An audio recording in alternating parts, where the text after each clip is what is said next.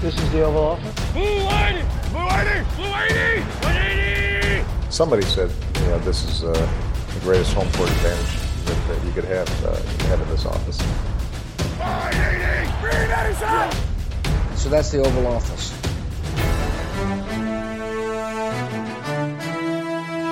Velkommen ind for her i det ovale kontor. Vi er op til her onsdag den 4. august. Klokken den er lidt 5 om eftermiddagen. Med Mathias Sørensen, og med mig som altid har jeg Anders Kaltoft. Hej Anders. Hej Mathias. Og Thijs Jorange er også med mig. Hej Thijs. Goddag. Og sidst men ikke mindst Mark Skafte Våbengård. Hej Mark. Hej Mathias. Jeg har samlet mine medværter her i dag, fordi vi skal fortsætte optakten til den kommende NFL-sæson, og det vi vil gøre i denne øh, uge og i næste uge, det er, at jeg simpelthen har øh, stillet nogle spørgsmål til alle holdene i NFL. Vi lavede også øh, den her øvelse sidste år. Det er nogle spørgsmål, som, øh, som peger hen mod den kommende sæson, og er noget af det, jeg synes, der er mest interessant med de hold her. Det er ikke, de her spørgsmål er ikke altid udtryk for mine holdninger. De kan også handle både om holdet og nogle enkelte spillere og trænere osv. Men det er nogle, nogle spørgsmål, og så, øh, som, og så tager vi en diskussion ud fra dem, i forhold til, hvad vi, øh, hvad vi tror om, om emnet osv. Så, videre. så det er simpelthen det, der er øvelsen i dag. Og øh, der er også nogle nyheder at vende. Men da de fleste nævneværdige nyheder sådan set er omhandler AFC-hold, så synes jeg bare, at vi tager dem lidt undervejs.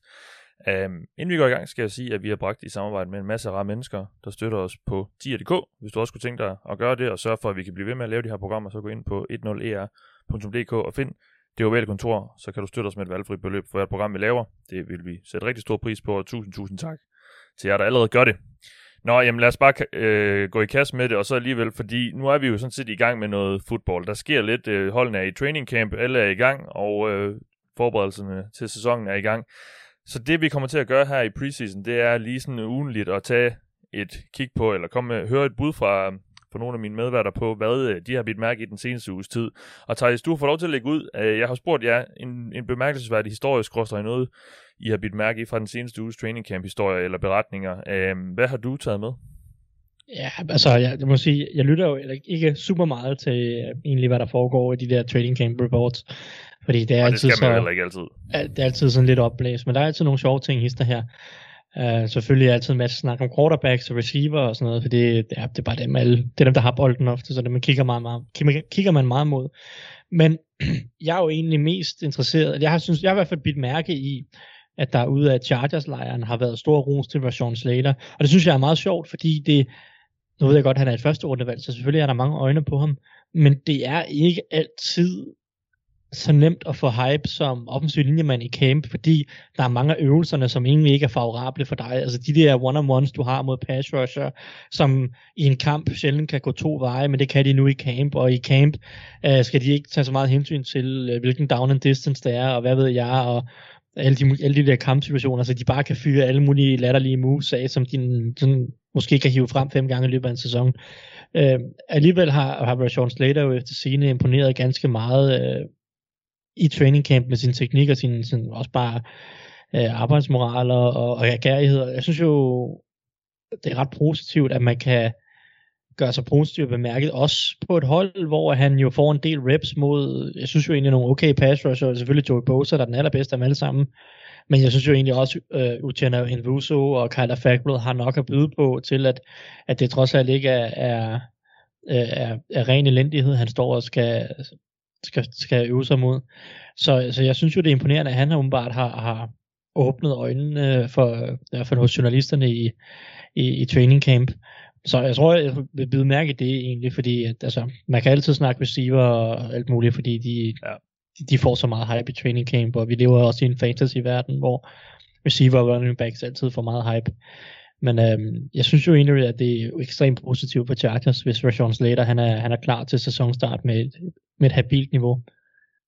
Ja, og er jo en del af den her for, forstærkede offensiv linje i Chargers. De hentede også uh, Corey Linsley som center, og det er jo for at passe på ham her det unge stjerneskud, de har som quarterback, Justin Herbert. Øh, og vi har jo rost dem rigtig meget for det, de har gjort her i offseason. Chargers, jeg, jeg vil ønske, øh, Bengals har gjort det, Chargers har gjort, fordi de står lidt i samme situation med en ung upcoming quarterback, der tydeligvis har brug for en bedre offensiv linje foran sig. Øhm, så jeg er rigtig spændt på at se, hvad det her Chargers-angreb kan føre til om, og også om vi er gået lidt, om det er gået lidt for meget øh, amok med den der Justin Herbert-hype. Øhm, han var god sidste år og så videre, men, men kan han følge op på det, det, det er spændt på at se. Vi, vi, skal, vi skal jo snakke Chargers senere, og det er også lidt i den her dur, så lad os bare tage den diskussion der. Jeg ved ikke, når, hvis vi lige bliver ved det punkt her, øh, noget af det, der har været nogle store historier her den første uges tid i training camp, er jo også alle de her, der, øh, der ryger på de her coronalister, så ikke må træne osv., og, og øh, det er jo især gralt for dem, som ikke er vaccineret, Mark.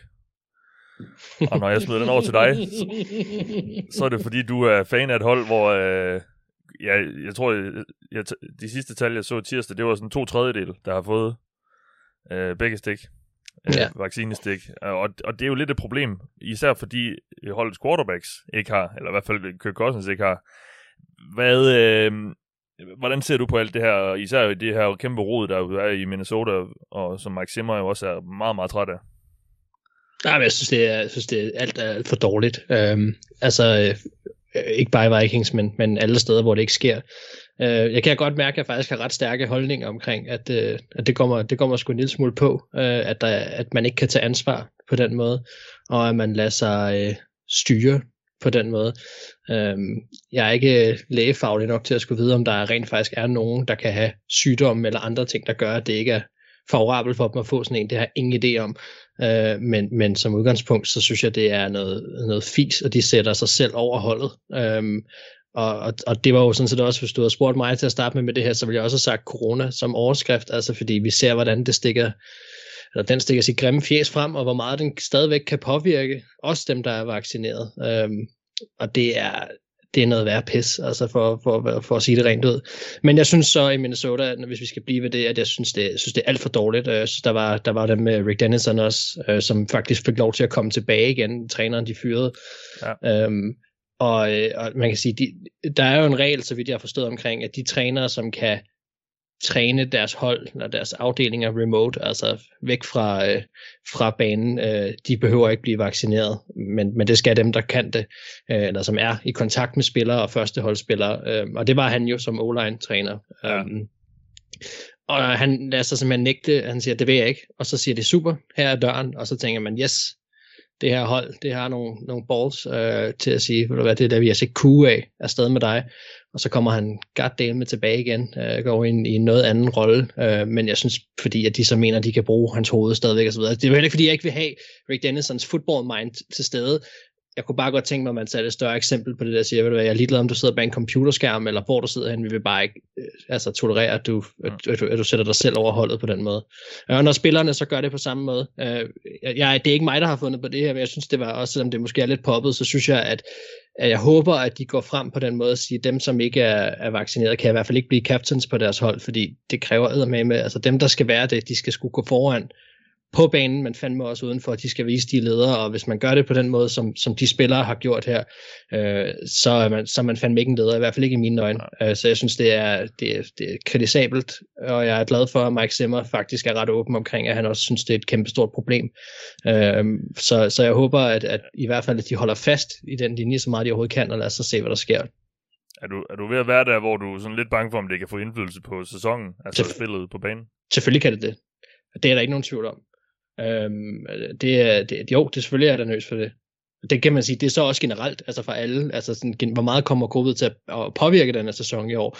Vi har jo ikke snakket så meget om det der med, også om, at en kamp rent faktisk kan blive aflyst, hvis der er en vis mængde, der er ramt og så videre. Altså, øh, der, der kan jo ske mange ting med covid i år. Øh, men, men jo, det er klart også for Minnesota, når jeg kigger på det på den måde her, og de træner så længe uden deres... Øh, altså, de skal hive ravl og krat ind som, som quarterbacks for at få en træning til at køre.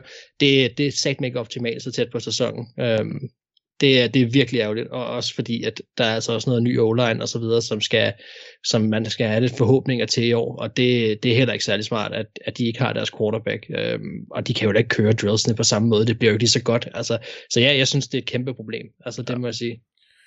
Må ikke det bliver på en, måde, en eller anden måde rettet op på det, og få nogle flere, der bliver vaccineret, sådan så, sådan så det ikke kommer til at gå ud over, altså en ting er, at det går ud over nogle preseason kampe, altså det er jo lige meget i, i princippet, for de, for de store stjerner i hvert fald, øhm, men når det, hvis det begynder at have indflydelse på, om nogen, hvem er tilgængelig til regular season kampe og så, så bliver det jo rigtig kritisabelt. Ja. Nå, jamen det er sikkert, sikkert noget, vi kommer til at snakke mere om, øh, hvis nogle store stjerner øh, bliver ramt, eller gør, at andre bliver ramt eller et eller andet. Det, det er spændende at følge. Øhm, og de er jo nogle ret stramme regler, NFL har sat i værk, fordi de gerne de bare vil have, at folk skal blive vaccineret med, og med god grund, kan man sige.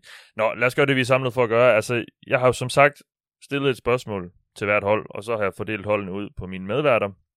Og øh, det er spørgsmål, der peger hen imod 2021-sæsonen, og de, øh, nogle af dem lyder lidt ens øh, forholdene, og så er der nogen, som sagt, der er også nogen, og, og de kan også rangere lidt, nogle handler om, om holdenes forventninger til hold, eller nogle enkelte spillere eller trænere osv. Så det, det er sådan lidt, hvad jeg synes, der, der er det mest interessante ved, ved holdene, eller det mest, hvor der er de største spørgsmålstegn måske på vejen i den her kommende sæson. Øh, vi tager dem division for division, som vi plejer at gøre, når vi laver den her type programmer, og øh, vi starter i Indianapolis.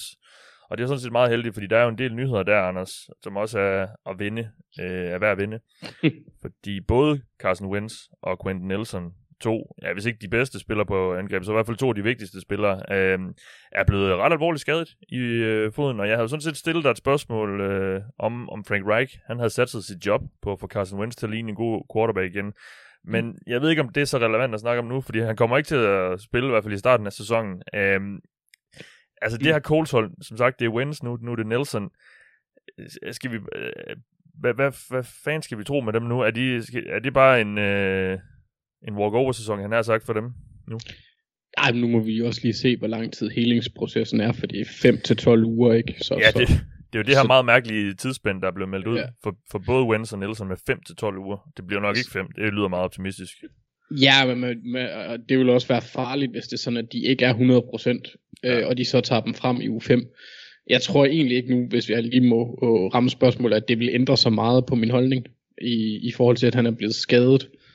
Øh, det er selvfølgelig træls for Coles, at de ikke får Wentz til at være med til at altså, komme bedre ind i systemet, og lære de andre spillere at kende, og få noget kemi op til sæsonen, sådan at han bedre kan præstere, når den går i gang. Det, det ødelægger det her jo rimelig meget. Jeg havde ikke de store forhåbninger til ham i forvejen, så øh, jeg, jeg tror ikke, det er også... jeg tror, at Colts de godt kan få en middelmodig sæson alligevel. Jeg tror ikke, de kommer i playoffs øhm, med, med hvem de nu end henter, eller om de starter Jacob Eason. Der går også rygter om, at øh, Philip Rivers kunne være tilbage senere på sæsonen. Skulle han, Han har sagt, at han ikke vil udelukke et comeback. Ja, lige præcis, når, når high school sæsonen er slut. Ja. Øh, fordi han jo træner Ja. øh, high school i Alabama eller sådan Ja. noget. Men hvad, Så- så... hvad, kan, hvad kan et NFL-hold bruge det til? Altså, det, det ved jeg ikke lige. Man skal jo have ham... Cole skal jo have ham ind nu, måske. Ja, ja. Øh, Hvis var det der var. Ikke, der var nogle andre, der... Ja, ja, altså de kan ikke bruge det til en skid lige nu. Altså Coles, altså andet end at til at finde ud af, hvad de har i sidste års fjerde rundevalg, tror jeg det var fjerde runde, i Jacob Ja. ja. Eason, som har en kæmpe arm, men ellers ikke kan finde ud af ret meget andet, hvis jeg ikke husker helt galt. Thijs elskede ham i hvert fald, det er jeg 100% sikker på. Ja, os nu Thijs er J- Jacob Easons største fan. Ja, det er nok en sandhed med øh, modifikationer, tror jeg. Sådan meget, meget, Men Anders har i hvert fald ret i, at han har en stor arm. Og det Øhm, kan man altid men der er jo ikke noget, der er så skidt, der ikke, at det ikke er godt for noget for Coles, fordi det her, det betyder, at Carson Wentz højst sandsynligt ikke kommer til at spille tre fjerdedel af sæsonen, og det betyder, at Coles så ikke skal give et første rundevalg. Ja, ja, men det, det betyder så også, at det bliver et højere anden rundevalg. Jo, jo, men, men trods alt. Altså, jeg ved ikke, jeg, jeg har det sådan lidt, og måske er det også bare mig, der er lidt for sort-hvid med det her, men hvis, hvis jeg var Coles-fan, så ville jeg bare sige, okay, så, så kører vi bare en sæson nu med, med isen, eller i hvert fald en stor del af den, og vi har ikke travlt med at få Wentz og Nelson tilbage, fordi det her, det er bare sådan et år, hvor vi, ja, nu, nu er det jo lidt råd i vasken alligevel. De Fordi ponder. Wentz, han, han, han bliver nok svær at, at få rigtig i gang.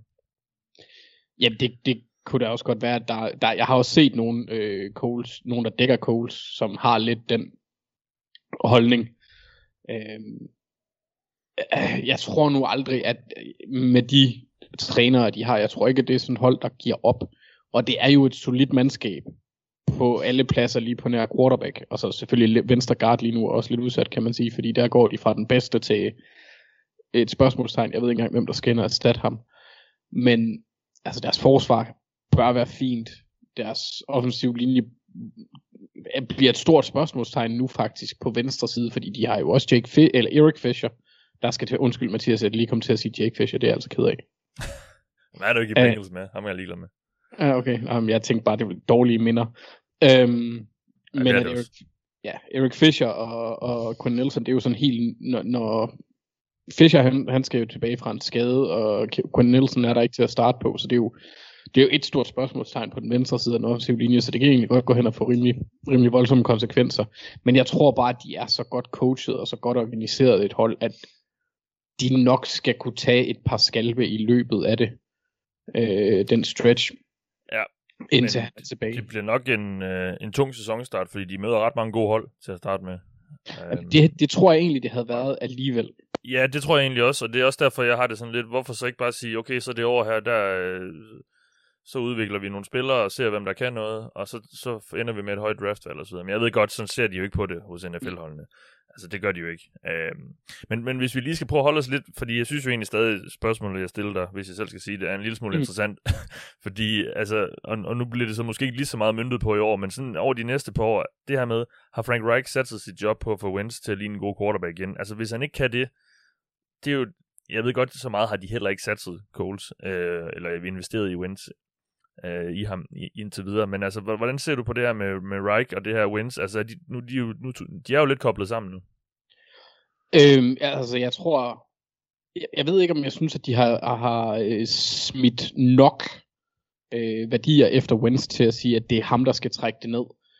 Hvis han sutter, og de skiller sig af med ham med næste år, og de så vælger en quarterback i draften, eller et eller andet, de finder en, der kan være en lidt mere langsigtet løsning, end den der line quarterback, som de har kørt, siden Andrew Luck han stoppede, så tror jeg egentlig, at altså, det er nødvendigt for Frank Reich, at næste sæson bliver positiv.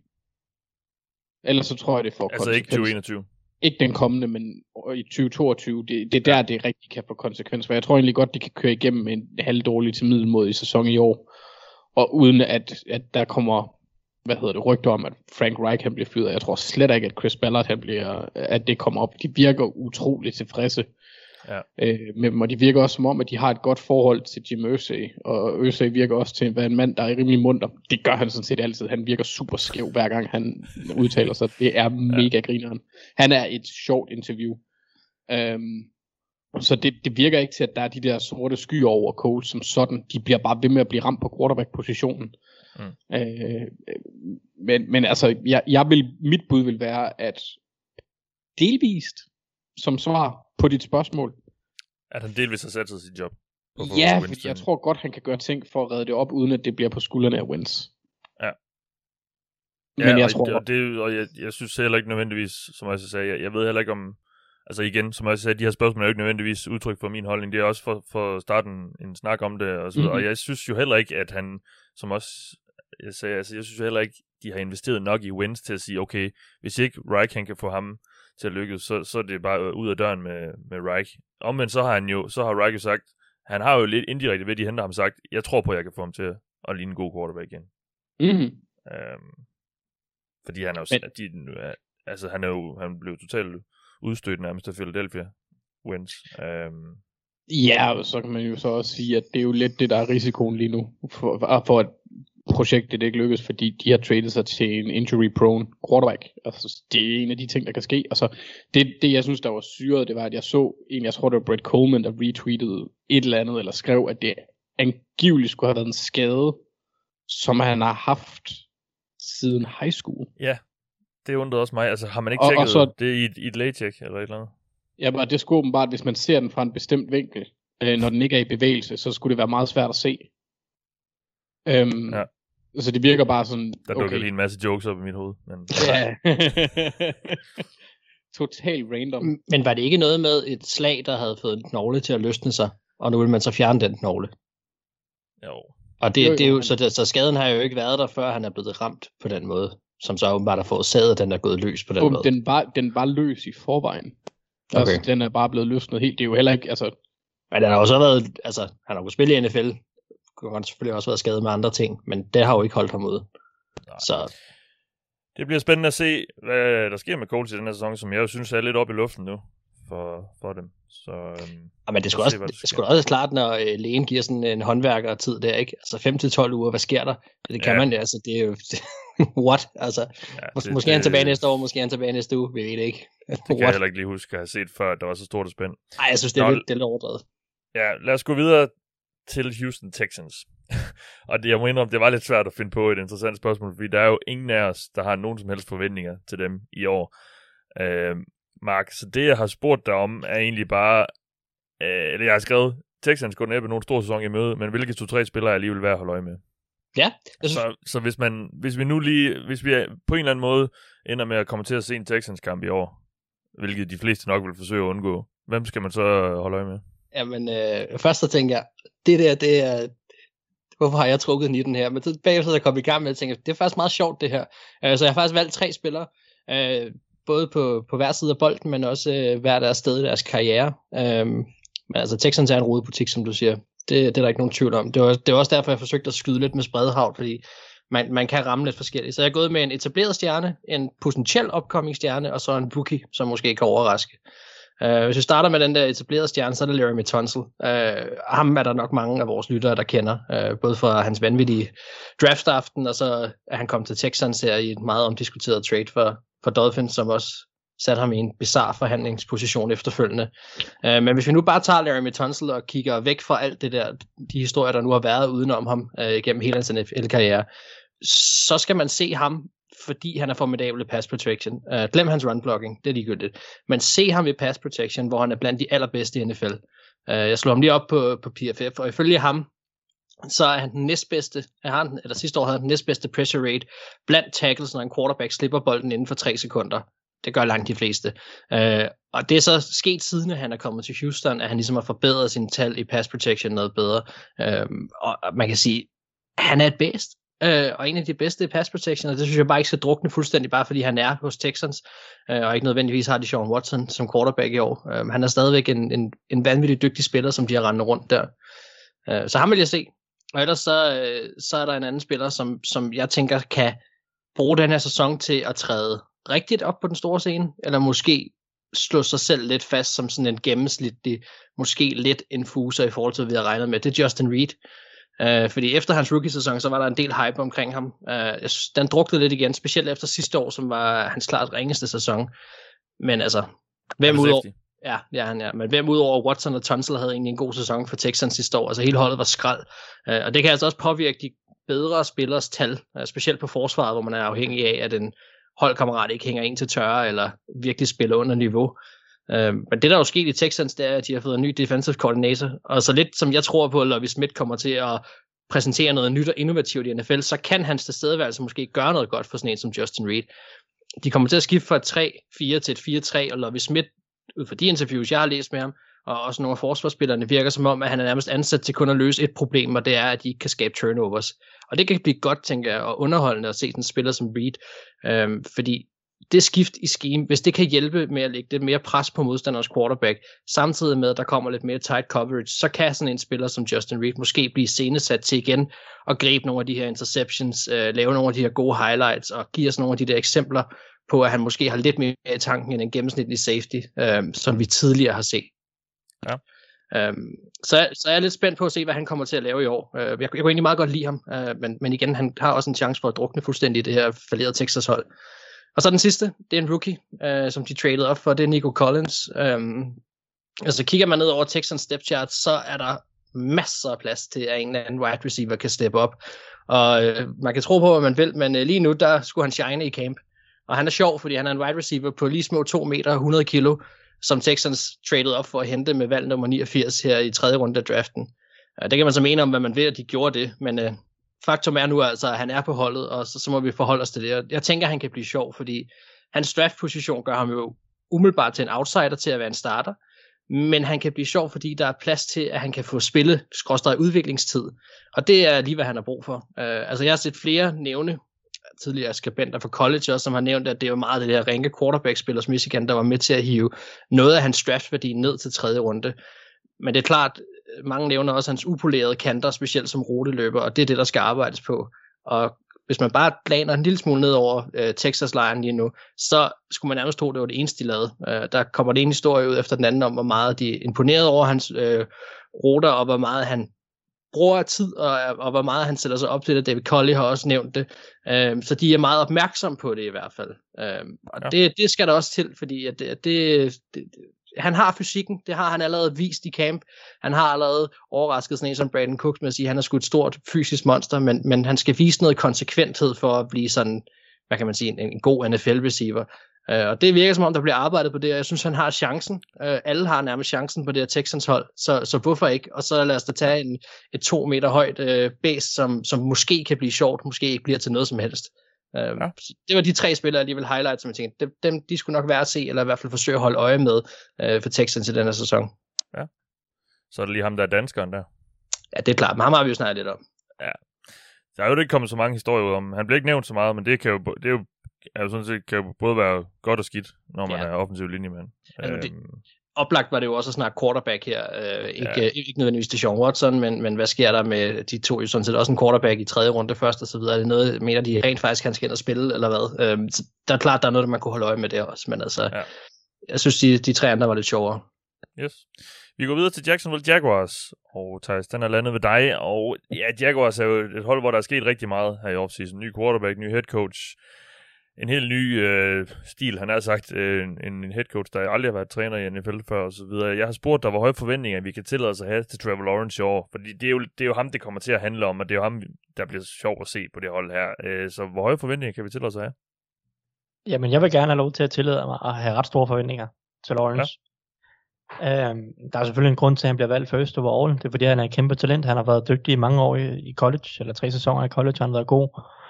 Han har hele den fysiske pakke, der skal til, også for at bryde igennem tidligt i karrieren, i den forstand, at han behøver ikke at være perfekt mentalt for at få noget godt til at ske, fordi han har så god en arm og den mobilitet, der skal til for at skabe noget og improvisere, selv når hans tankegang er lidt for langsom.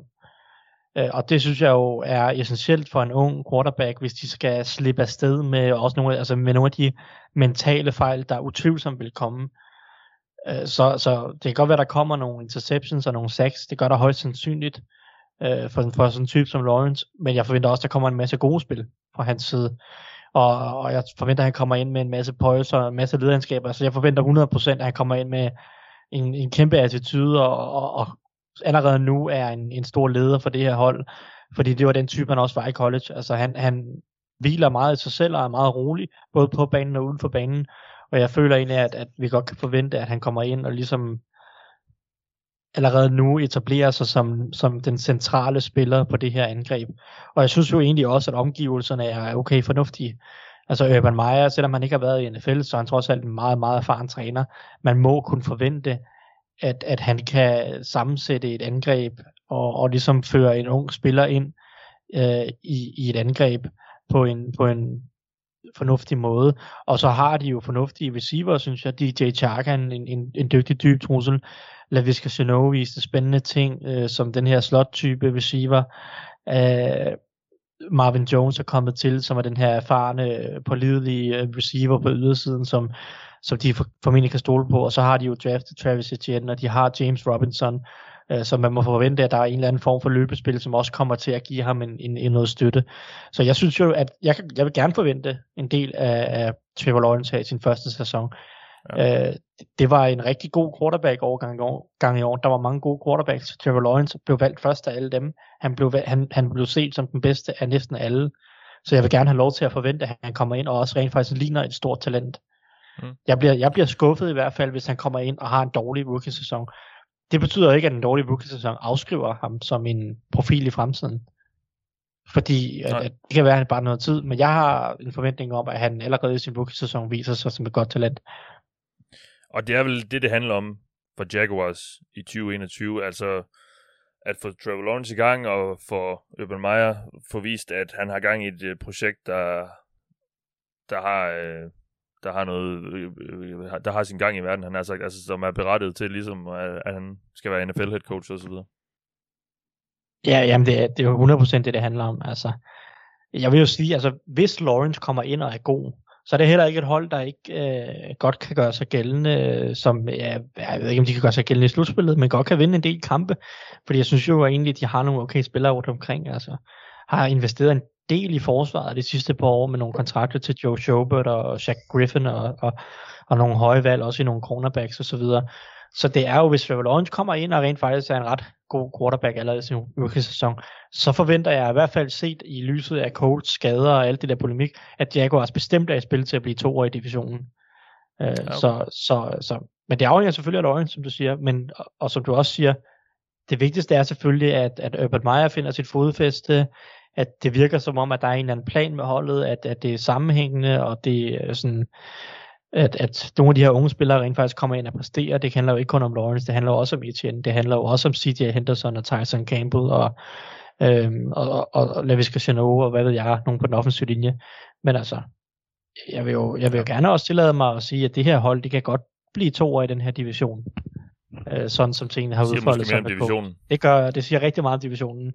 Ja. Men, men øhm, det, altså, så jeg synes godt, vi kan forvente, at Jaguars, hvis Lawrence er god, som jeg også håber og forventer, at han er i en eller anden grad, øh, så synes jeg godt, at vi kan forvente, at Jaguars godt kan snige sig op omkring 8 sejre, hvis de er heldige.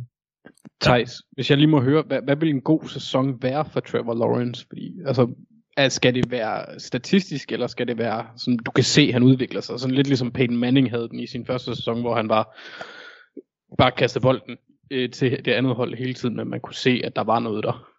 Altså nu kan jeg jo ikke, nu kan jeg ikke huske Peyton Mannings første sæson, fordi jeg var fire år gammel. Øh, men, men, Det er for øh, dårligt. Ja. Det er kraftet med øh, Thijs, helt ærligt. Var det ikke 98? Jo. jo. Jo, jo. Men øh, nej, men altså det... Egentlig, altså jeg, jeg vil jo sige, jeg vil også blive skuffet, hvis han kommer ind og laver altså, flere fejl, end han laver gode ting i en eller anden forstand. Men selvfølgelig vil det også være okay, hvis, hvis man kan se, at han ligesom udvikler sig og lærer. Øh, I hvert fald i, i det tilfælde, at han kommer ind og rent faktisk presser citronen. Øh, det handler jo, det er lidt forskelligt.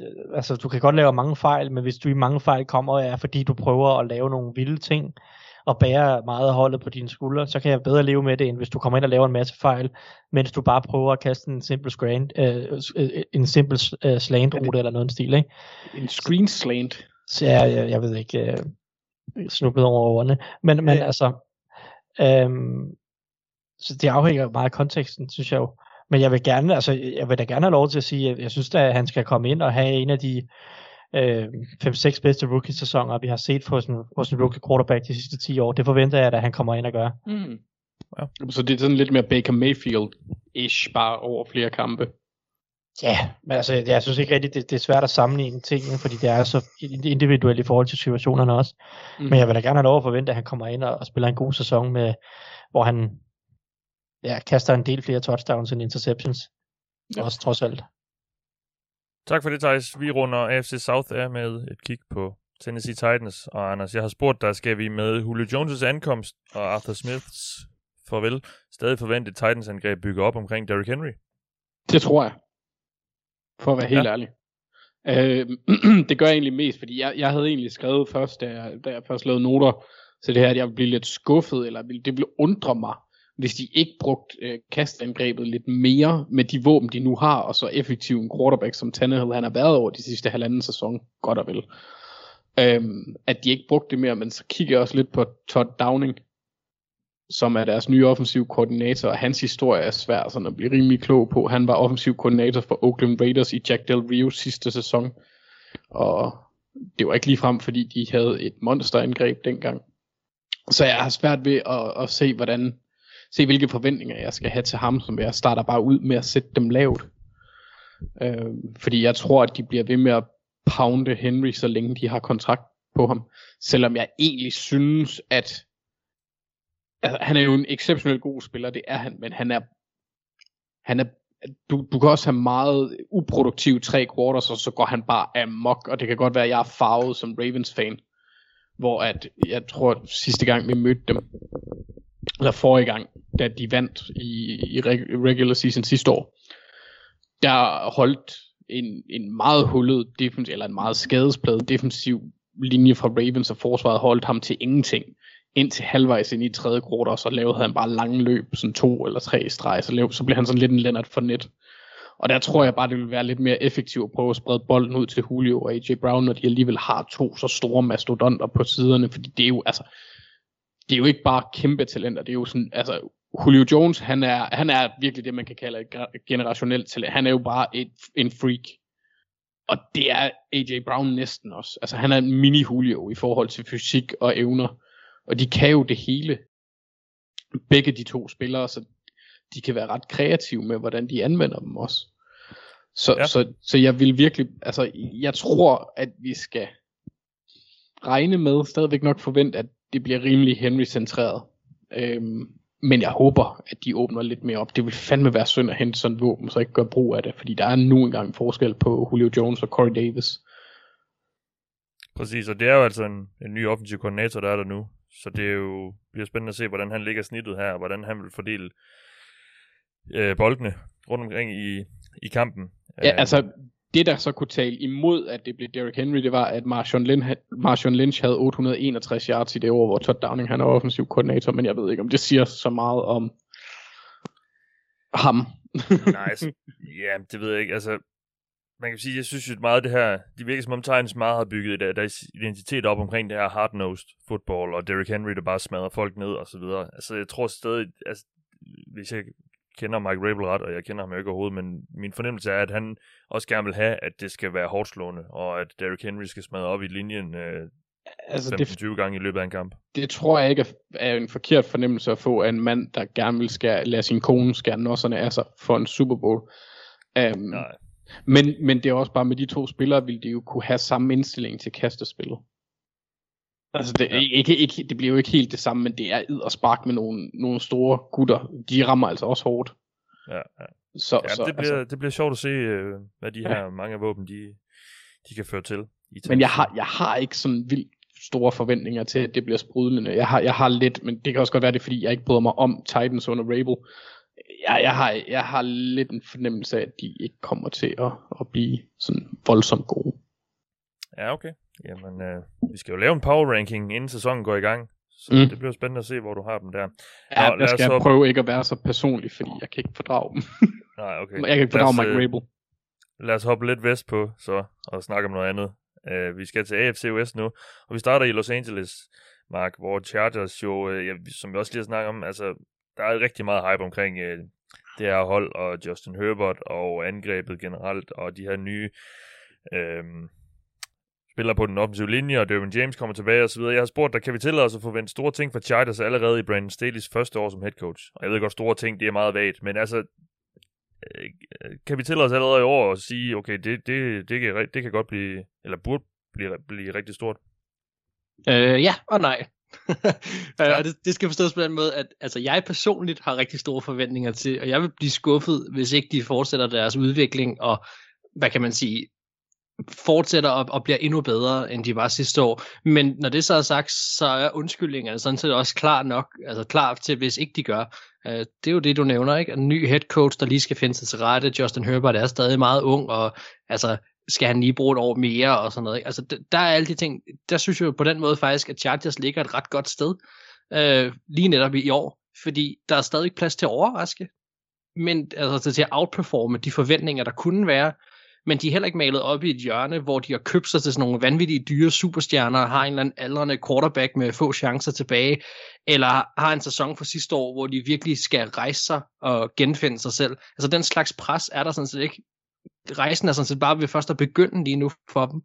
Øh, og jeg vil bare sige, så længe de bare forbedrer sig lidt i år, så kan de i mine øjne stadigvæk godt, altså så er der stadigvæk plads til, at de også kan overraske yderligere, og måske komme endnu længere end hvad de reelle forventninger øh, burde måske være. Øh, men stadigvæk så kan de også godt få en godkendt sæson, synes jeg, selvom at de ikke vinder en Super Bowl eller vinder en, en playoff-kamp. Ja. Altså sådan, jeg, jeg synes faktisk, de ligger et, et ret fedt sted lige nu, og det må også være, altså, de kan bombe den totalt, og hvis de, hvis de går ud og vinder tre kampe i år, eller fire kampe i år, så er det en failure. Det er der ikke nogen tvivl om. Så er det sgu ikke godt nok. Men, men det tror jeg heller ikke, de gør. Øh, og, og hvad kan man sige, det, så synes jeg jo faktisk, det må være meget fedt som ny ung head coach at komme ind sådan, i den her situation, hvor at, at, det er, hvis de overrasker positivt, så overrasker de positivt, det har de ingredienserne til, men jeg synes heller ikke nødvendigvis, at man kan tillade sig at forvente, at de går i Super Bowl i år, men de kan godt gøre det. Altså, og, det, og det er jo et meget fedt sted at være, synes jeg. Øh, så kan vi så snakke om næste år igen, og, og så videre. Så kan vi begynde, synes jeg, måske rent faktisk at have andre reelle forventninger til det. Men, men jeg synes, altså, min egen personlige forventning vil være, De skal fortsætte udviklingen, de skal blive bedre i år, de har et bedre hold i år. Øhm, jeg vil gerne se mere fra Herbert, man håber, at, at han bliver ved med at blive at være awesome og blive bedre og bedre. Jeg øh, håber, at Brandon Staley kommer til at fungere rigtig godt, og han allerede i år også kan vise, at han fungerer godt. Men hvis han skal bruge et år på det, og det første er næste år igen, så er det sådan, det er. Øh, og ja. det er også okay. Jamen, jeg er sådan set meget enig med dig. Jeg synes jo, det er en fed situation, de er i Chargers, netop også på grund af det, du siger. Der er ikke kæmpe stort pres på. Øhm, selvfølgelig, som, altså, de kan jo ikke bare, bunden kan jo ikke bare falde ud og, som, og, og vinde 3-4 kampe, som også du siger, men altså, selv en, en middelsæson ville jo være fint, og hvor, fordi, ja, afhængig af, det, det har også meget med, hvad er udtrykket og så videre. Men altså, det er klart, men jeg ja. forestiller mig bare, at man godt kan finde argumenterne for at sige, eller undskyldninger, ikke? også for at sige, hvorfor skete det og det og det. Ja. Øhm, og, og der vil de sådan set også måske være reelle nok, øh, de ja. undskyldninger. Så... Men jeg lavede lidt op til det inden. Altså, er den her Herbert-hype, er den, er den stukket lidt for meget? Altså, jeg, jeg, jeg synes selv, jeg er blevet revet lidt med, når jeg sådan Ej, lige altså, stopper op og tænker over det. Jeg er begyndt at ride bølgen midt i sidste sæson, tror jeg. Ja, ja. den er kun blevet større. Uh, ja, jo jo, altså det er jo efterhånden, man kan jo snart kun blive skuffet, uh, medmindre han går ind virkelig ja. og, og viser sig som en, en reel superstjerne. Uh, det kan godt være, den er stukket af. Uh, det, det, det, har jeg, det har jeg faktisk efterhånden, synes jeg, lidt svært ved at vurdere. Øhm, jeg har, kan i hvert fald bare sige så meget, at jeg har selv store forventninger til ham, og, øh, og jeg kan også godt, kan jeg godt med at godt blive skuffet, hvis ikke at han, øh, han ikke går ind og viser nogle, nogle af de samme takter som sidste år, hvis ikke han stadigvæk viser, at han udvikler sig også. Øhm, men det er klart, det han viste sidste år, eller det han lagde op til, det, det var jo, at altså, han kan skulle blive rigtig god. Uh, han kan sådan blive, blive virkelig, virkelig god. Uh, og lad os, lad os nu se, uh, fordi det er de færreste, der i sidste ende ender med at blive det også. Så lad os se, hvor han lander henne. Øh, men altså, kan han bare lægge lidt på allerede for det sidste år, så er han sgu en god NFL quarterback, øh, og, og så bliver han sjov at se. Ja, tak for det. Vi hopper til Kansas City Chiefs. Og ja, det, det var faktisk et hold, jeg havde lidt svært ved at finde nogle spørgsmålstegn ved. Uh, selvfølgelig kan man sige, jo, angreb, eller forsvaret, der er nogle positioner og så videre, hvor det, hvor det ser, eller der er måske endda mange, hvor det ser sådan lidt øh, halvlunken ud. Så har de så bare lige det vildeste angreb i NFL på den anden side af bolden. Øh, så det er jo noget, der ligesom kan, kan gøre op for mange svagheder, Thijs. Øh, jeg har spurgt dig, om, om det er Super Bowl eller boss for Chiefs i 2021. Øh, men det er det vel, eller hvad? jo, det er det. Det er det altid, når man har en quarterback som Mahomes. Så skal man gå efter at vinde hver eneste år. Ja. Øhm, og det, der, der, den er jo ikke meget længere. De har jo også endda investeret tungt i den offensive linje, netop for at give Mahomes de forhold, der skal til, for at han kan bære dem hele vejen. Det er jo det, det handler om. Ja, og det er, vel altså. det, det, det er vel det eneste reelle spørgsmålstegn, der faktisk er. Og det er måske det spørgsmål, jeg skulle have stillet. Altså, kan vi regne med, at den her linje, den fungerer fra dag 1? Jeg ved ikke, om vi regne med, at den fungerer fra dag 1. Men jeg synes godt, vi kan regne, eller jeg synes godt, vi kan forvente i hvert fald, at den bliver bedre end sidste år. Jeg synes jo simpelthen, at, at der, er jo, der, er der er jo forhentet for meget kvalitet ind her, til, at den ikke kan blive bedre end sidste år. Som, jeg ved godt, at, at der var Fischer og Swartz sidste år, og Swartz har så skadet meget tid, og Fischer endte så også med at blive skadet til sidst. Øh, men altså, hvis man kigger på Chiefs interior offensive line sidste år, indvendige offensive linje, så var det jo altså det, man kalder fyldspillere i min bog. Ikke? Altså det var jo Nick Allegretti, og det var jo øh, Austin Ryder, og altså flere af de der typer, som jo jo, du kan da godt starte uden det brænder ned, men når du ved en god defensiv linje, så har de det ikke så sjovt. Og det så vi blandt andet i Super Bowl. Og der, der har de jo bare hentet noget helt andet kvalitet ind nu med Joe Tooney og Orlando Brown. Øh, Mike Remmers kom ind og gjorde det faktisk hederligt mod slutningen af sæsonen. Ham har de så stadigvæk i år. Øh, og, og, og Carl Long har de også hentet ind draftet Creed Humphrey. Og, altså, det vil overraske mig, hvis ikke den her offensive linje var bedre end sidste år.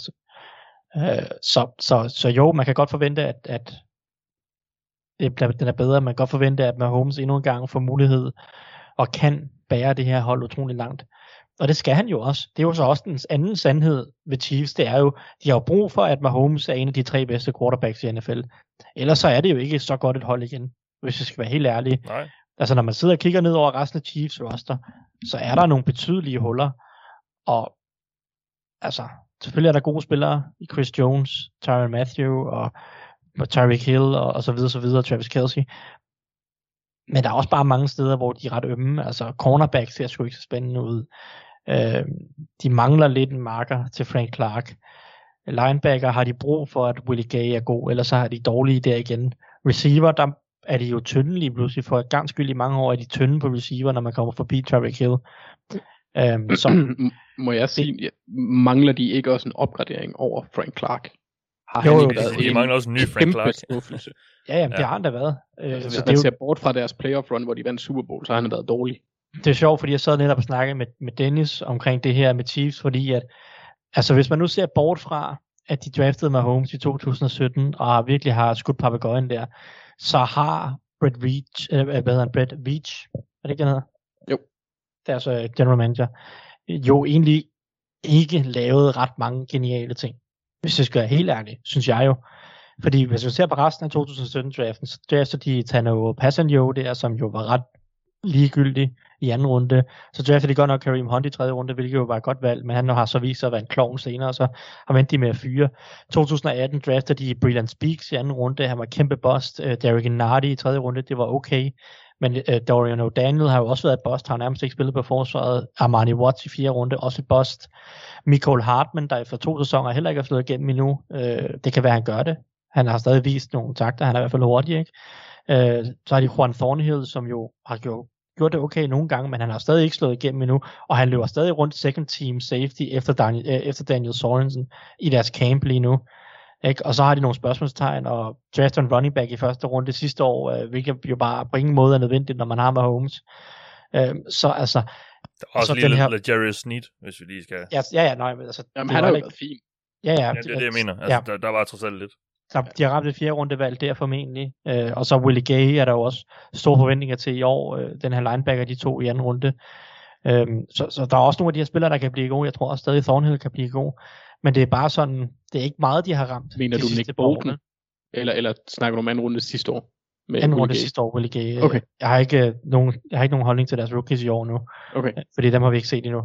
Nej. Øhm, så, så, men jeg synes bare, at det er ikke fordi, de har ramt mange draftvalg. Og så er der den her trade for Frank, Frank Clark, som jo, som du også siger, øh, lidt har været en katastrofe, selvom han har haft nogle sacks på nogle afgørende tidspunkter i slutspillet, så har han jo generelt set været en kæmpe skuffelse i forhold til den øh, investering, du har lagt i ham, både draftmæssigt og, og kontraktmæssigt. Så, så vil man kan sige, jeg er ikke så imponeret over, hvad Chiefs egentlig har gået og gør, gjort med sådan, der, resten af deres roster, hvis man ser bort fra, at de har sådan en, en, en gudløbende rundt øh, quarterback. øhm, så, så det er jo sådan, det er jo også lidt den anden historie omkring Chiefs. At man har jo lidt brug for, at de rammer på nogle af de her draftspil. Man har lidt brug for, at nogle af de her unge spillere tager et skridt op og bliver bedre. Øh, fordi nu har de jo givet Mahomes den her kontrakt, og den bliver kun dyrere de næste par år. De har brug for, at der er nogle af de her unge spillere, der rent faktisk begynder at blive bærende kræfter. Fordi der er nogle af de her spillere, der godt kan bruges, men der er ikke nogen af de her spillere, der er blevet profiler. Alle de spillere, de har som profiler, de er enten draftet før øh, Mahomes, og det vil sige før Brett Veach, øh, Veach, eller så er det nogen, de har været ude at hente dyrt i free agency. Ja. Så, så de har brug for, at der er nogle af de her draftvalg, der slår igennem. Og det kan være, de gør det i år, og så øh, skal vi nok øh, hoppe ned, øh, skal vi nok, øh, så kan Pip nok få en anden lyd her. Men, men øh, indtil videre, så er det jo også det, er også det der er historien om Chiefs. De har brug for Mahomes til at være Superman. Og det er han så nok også. Men øh, ja. Øh, tilbage til dit spørgsmål. Ja, de skal selvfølgelig Super Bowl eller bust. Det er det selvfølgelig. Ja. Modtaget. Vi hopper til øh, ørkenen og Las Vegas Raiders. Anders, jeg har spurgt dig, hvad skal Raiders opnå i år, hvis vi for alvor skal overbevises om, at John Gruden har gang i noget rigtigt? Jamen nu skal du høre, Mathias. Fordi jeg har, jeg har to scenarier i spil. Og begge involverer at finde Doc Brown, som jo er en karakter, vi alle kender og elsker, og som lige ifølge Gul Kluds helt egen BMI-ekspert, superatlet og bare regulær skattebasse, Dennis Kortsen, blev spillet af Sir Michael Caine, hvilket jeg stadigvæk kan dø af grin over. øh, Altså, tilbage til fremtiden. Ja, ja. Det, det er jo selvfølgelig Christopher Lloyd, øh, Ja. ikke Sir Michael Caine, der snakker om. Øh, og så skal vi simpelthen rejse tilbage i tiden. Fordi i første scenarie, der rejser John og Mike tilbage og undlader at bruge top 4 valg på en middelmodig spiller. Et første rundevalg på en running back og et første rundevalg på en box safety. Det er det første scenarie. I det andet Tilbage i scenarie... 2018, eller hvad? 19? Hvornår Ja, ja, det, ja, ja og ja. Ja. Vi skal- Cleveland Farrell. Cleveland Farrell, øh, Josh Jacobs. Josh Jacobs er ikke en forfærdelig spiller, men... Mm, og så Jonathan Abram. Øh. Øh, Ja. Så det, det er ikke så godt. I det andet scenarie, der rejser John Mike og resten af Raiders holdet så tilbage til start 90'erne, hvor netop de spillertyper ville have været et sådan okay gode valg. I hvert fald Jonathan Abram og Josh Jacobs ville have været ret god værdi på det tidspunkt. Så hvis en af de to, to scenarier, så vil jeg blive overbevist om, at John Gruden har fat i den lange ende. Og, og, og, og bare lige sådan en, et side nu, jeg fik sådan et billede, da jeg, da, jeg, da jeg fik de her tanker, vil han ikke være den perfekte til at spille biff? jo, Men, men altså, det vil han jo, faktisk. Ja, det synes jeg. Men, men andre, der tror jeg, at de kan nok overbevises ved, at de når playoffs. Altså ellers så tror Ja. ja. jeg, at, at tvivlen vil hænge ved for de fleste. Altså det er playoffs eller, eller øh. I Ja. min optik. Og, og vi mangler også lidt, altså de er jo sådan set kommet fint nok fra land de seneste par år, men så er det bare faldet sammen. Og det, og det er typisk for Gruden. Det, han har, Ja. han har, det havde han også hos Tampa, øh, mener jeg, og måske endda også hos Raiders i første omgang. Enormt svært ved at slutte sæsonen positivt. Så det gik efter, jeg mener efter oktober, der begyndte det bare at gå nedad, der han har en rimelig dårlig record. Øhm, så det, det er jo en fin point, at han skal prøve at strikke en hel sæson sammen, hvor det kan blive sådan ja. nogenlunde konsistent. Og så når de nok også playoffs, hvis det kan lade sig gøre. Det, jeg har bare, åh, jeg synes det er svært med den roster, de sætter på banen. De har godt nok investeret Mm. mere i forsvaret, men den der offensive linje er sådan lidt, jeg er lidt nervøs ved den. Den kan godt lykkes, altså Colton Miller er en fin venstre tackle, hvis Alex Leatherwood, han, han bliver god på højre tackle. Og den der center, de, jeg kan ikke huske, om han hedder Andre James, ham de var så glad for. Hvis- Hvis de tre sådan finder et godt niveau, så er det jo, altså det kan godt lade sig gøre, men det, det er også, altså der er mange ting, der skal gå i hak. Ja, det må være lidt frustrerende at være Raiders-fan, tænker jeg. Ja. Med den der kæmpe kontrakt, han har, Gruden, og alt det magt, han har. Han er jo så svær for dem at komme af med. Ja, men jeg tænker så også, at det, han har jo selv været ude at sige, at han, hvis han bliver fyret, så vil han ikke tage pengene, men det tror jeg ikke en skid på. Jeg tror så til gengæld, at Raiders fans, særligt dem, der har levet siden 2000, altså har været Raiders fans, som ikke var Raiders fans i 80'erne, de er vant til, at Raiders sutter, så jeg ved ikke, Ja, om det er meget anderledes. Altså det er bare mere det samme. Det er den der Jets, Browns, lidt Bengals tilstand, hvor man sådan er lidt apatisk over for det hele. Men, men kan vi så ikke snakke om også, nu, for det er faktisk meget interessant, kunne man ikke godt snakke om også, at det her Las Vegas sætter et nyt pres på det her franchise? Sgu en anden type fan, som, som kommer der, der er en anden, jeg synes, der er en anden type forventning til, at, at de skifter lokation på den måde, som de gør. Man Det er jo- forventer er jo jo- nærmest, at de skal op i sådan noget cowboys, øh, øh, hvad kan man sige, niveau for turisme og så videre, ikke? Hvis de virkelig er dårlige, så... Eller, eller også er der mindre pres, fordi de dedikerede fans, de ikke gider at tage til, derud i ørkenen. Jamen, det bliver sjovt at se deres øh, tilskuer øh, tilslutning nu her, fordi de fik jo ikke lov til at åbne det nye stadion sidste år. Nej, Så det, det bliver lidt sjovt at se, hvad det bliver for en omgang. det er til gengæld et fedt stadion. Det bliver sejt at Ja, se. ja, ja, men der er Ja. bare så meget, du kan lave i Las Vegas, udover at se fodbold. Ja, ja, ja, det er klart. Elvis, kan vide dig med en eller anden random Ja. person. Så. Ja. Ja. meget andet. Nå, jamen, øhm, tak for det, Anders. Lad os slutte øh, divisionen af med et kig på Denver Broncos. Mark, jeg har spurgt dig, vil, om Broncos ville være Super Bowl contender med en uh, legit quarterback, som jeg, og det er jo så den formulering, jeg har brugt. Så kan man jo så, øh, hvad skal man sige, tolke det, som man vil, men i hvert fald en, der, der er noget bedre end det, de er udset til her i år. Øh, ja. Og derfor har min frustration over for, over for det, de har gjort, også været så stort. Øh, jeg vil også sige, for selv uden en legit quarterback, som du nævner, så er der stadigvæk et eller andet sted i mig, det som Thijs nok vil kalde en fodboldromantiker, som vil sige, så glem den der quarterback, så glem den vigtigste position i, i, i sporten overhovedet. Det her hold kan blive så vildt på så mange andre parametre, at de stadigvæk kan trække en kanin op af handen og vinde en Super Bowl. Og det kan de måske også godt. Det kommer bare til at kræve så meget mere af hele holdet, end hvis de havde haft en top 10 quarterback. Øh, og som vi har snakket om før, så er det svært for hold at holde sådan et højt, konsistent niveau, samlet set over en hel sæson. Det er jo nærmest umuligt.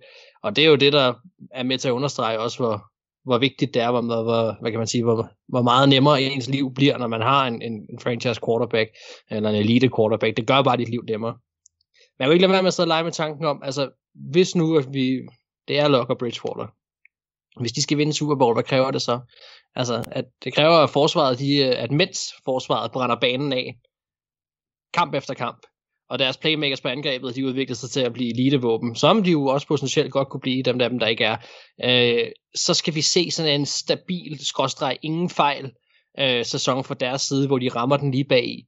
Fordi hvis først en af de to quarterbacks her, det er jo det, man kan frygte, begynder at tabe kampe for dem, altså så, så bliver det umuligt. Øh, men kan en af de her to quarterbacks lave sådan en, øh, jeg vil nærmest sige en halv Case Keenum, altså øh, komme ind til en sæson, hvor de kan ramme øh, den rette mentalitet, finde en plads i angrebet og spiller til deres styrker og få en stabil stime op at køre, hvor de ikke taber kampe, men måske også et par gange faktisk kan gå ind og lave nogle afgørende spil, så kan Broncos måske lege med, men uden nogensinde at kunne blive betragtet som favoritter til noget som helst. Øhm, jeg synes, det er svært, jeg synes, det er pisse ærgerligt, for jeg kan pisse godt lide deres hold, øh, ærligt, og jeg, jeg kan også godt lide deres, øh, jeg kan egentlig også godt lide deres træner, og jeg, jeg tror, deres forsvar bliver hammerende underholdende at se på, men der, det er en stopklods, og man skal, man skal skulle trække, trække lidt for at finde frem til, øh, for at finde de gode idéer frem til, hvordan det skal kunne lykkes for dem, men altså, ja.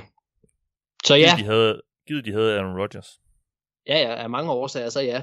Øh, så, men jo, ja, for eksempel. Mindre kunne også gøre det. Altså, så godt tror jeg godt, det her hold kan blive. Øh, ja. Men ja, havde de haft ham, så, så var de måske det bedste hold i NFL. Altså lige pludselig, det, altså havde de i hvert fald en chance for måske at være, ja, så var de i top 3 i hvert fald, ikke? Øhm, ja. Jamen, men, jeg synes nemlig også, det er lidt det, altså, ja, når jeg kigger på deres roster, så synes jeg også lidt, det er det, der mangler. Altså, de er nærmest en quarterback væk fra at have et hold, der i hvert fald på papiret kunne, kunne gå rigtig langt. Så er der så, jeg har stadig nogle spørgsmål lidt til Vic Fangio som head coach, altså hans beslutninger undervejs i kampe og så videre. Mm. Øhm, og hvem han lige ansætter som assistenter og så videre til at køre sit angreb og alt det der. Men altså, jeg synes bare, der er rigtig meget godt spillermateriale. Det er jo også, jeg synes med Broncos, der kan man, der er mange tankeeksperimenter, man kan lave. Jeg kommer faktisk ind på Broncos senere igen, når vi skal snakke om et af de andre hold, øh, og om hvorfor jeg synes, det andet hold er minder lidt om det, men er lige lidt bedre. Øh, der er nogle, nogle ting selvfølgelig, som, som, hvor nogle spillere skal gå ind og bevise sig stadigvæk. Øhm, og og det, det er jo ikke kun quarterback, det er jo også hele vejen rundt. Det er jo også, altså, som du selv siger, Vic Fangio, vi har ikke, vi har ham jo ikke i top 10 over de bedste head coaches, vel, men vi mener, at han kan noget med forsvaret, som kan blive interessant, og så er spørgsmålet så, hvad kan der ske på angrebet? Det ser lovende ud med nogle af de spillere, de har, men hvordan kommer de reelt til at spille? Øhm, og, og hvad sker der også med forsvaret? Altså, kommer de til at være så farlige, som vi har tanker om, at det kan blive, eller er det måske lidt mere tandløst. Altså, det er jo nogle gange lidt svært at spå om, men, men de er sjove at tale om, og de er sjove at lave tankeeksperiment omkring, fordi det virker som om, at mange af ingredienserne til en rigtig god øh, suppe er der, øh, men, men det er, men ja, de mangler selvfølgelig hovedingredienserne, det er det, der er frustrerende.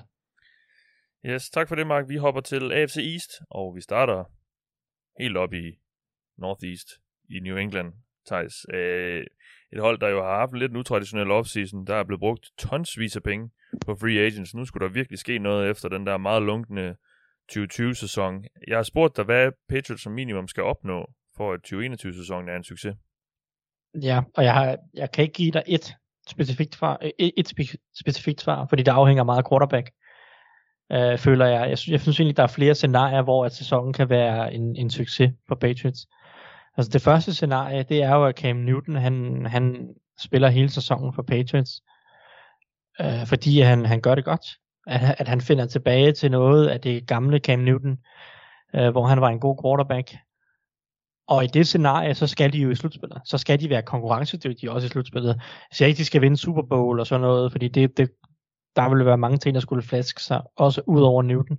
Men hvis Cam Newton kommer tilbage og viser et godt niveau, og er deres quarterback hele sæsonen, så skal de i slutspillet, og så skal de gerne rimelig langt i slutspillet. Eller ikke rimelig langt, de skal i hvert fald være konkurrencedygtige, også mod de to-tre bedste hold i AFC. Øh, det er sådan det ene scenarie, hvor det kan være en succesfuld sæson. Fordi at det vil jo opretholde den her kultur og sådan aura omkring Belichick, at okay, nu har vi fået lidt styr på det, det var lige en dårlig sæson der, der var nogle skader og en masse opt-outs og sådan noget. Nu har vi folk tilbage, vi har investeret noget, øh, og så viser vi igen, at vi er et tophold i AFC. Øh, det, vil, øh, det vil være en succes for Patriots. For også fordi man har Mac Jones på den lange bane, så man har ikke engang, altså, man har ikke brug for et top 10 valg næste år.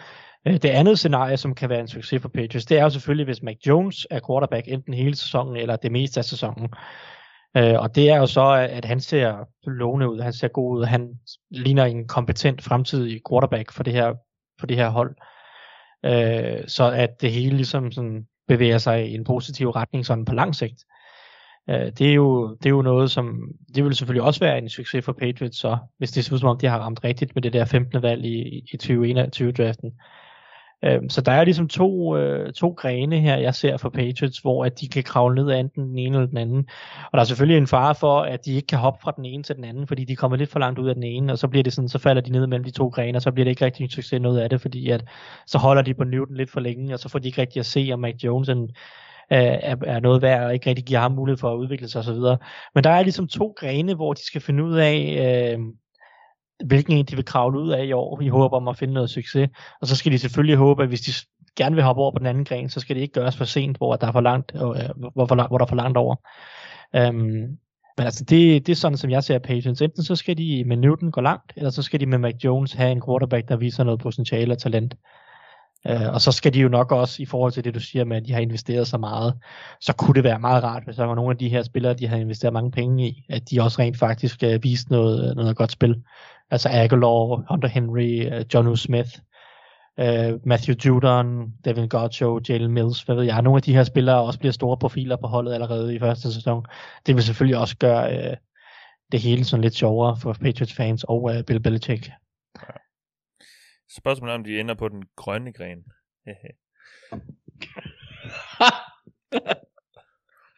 den er godkendt. Der skal vi lige have lidt mere opbakning der. Åh, oh, for helvede. Nå.